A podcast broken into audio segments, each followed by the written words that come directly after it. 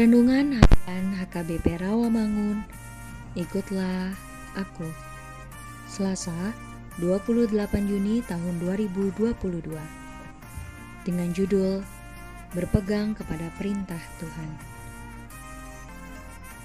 Bacaan pagi kita pada hari ini diambil dari 1 Timotius 6 ayat 11 sampai 16. Bacaan malam kita pada hari ini diambil dari Hakim-hakim 11 ayat 1 sampai 11 dan ayatnya yang ke-29 sampai ke-36.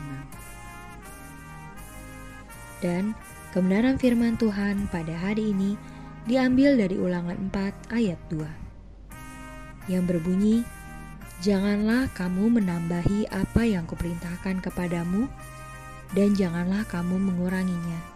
Dengan demikian, kamu berpegang pada perintah Tuhan Allahmu yang kusampaikan kepadamu.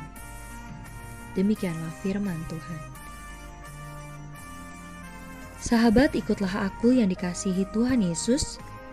Maksud larangan menambah atau mengurangi ini adalah untuk mendesak supaya Israel sungguh-sungguh menghargai firman Tuhan yang disampaikan dalam kitab ulangan. Jangan sampai ada bagian-bagiannya yang diabaikan atau yang ditonjolkan secara berat sebelah menurut selera manusia saja melainkan sebaliknya, hendaklah selera manusia menjadi terbentuk sesuai dengan apa yang tercantum dalam firman Tuhan.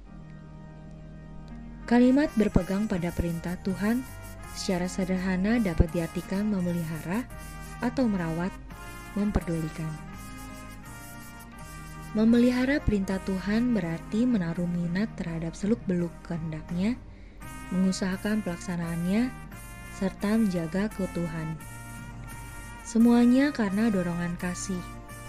Perintah di ayat ini menekankan ketelitian dan kesungguhan untuk mengindahkan perintah Tuhan. Musa digambarkan sebagai perantara atau penyalur suara Tuhan bagi umat Israel.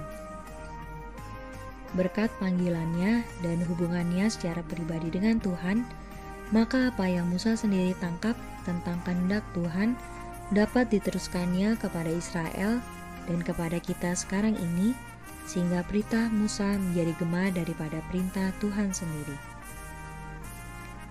Berpikir mengenai hal-hal yang baik dan mulia adalah langkah pertama untuk tidak dikuasai masalah. Namun, agar dapat lolos dan menjadi pemenang. Kita perlu mempraktekkan semua pikiran baik tersebut. Karena itu, pilihlah untuk mengambil sikap yang positif di tengah-tengah arus dunia ini.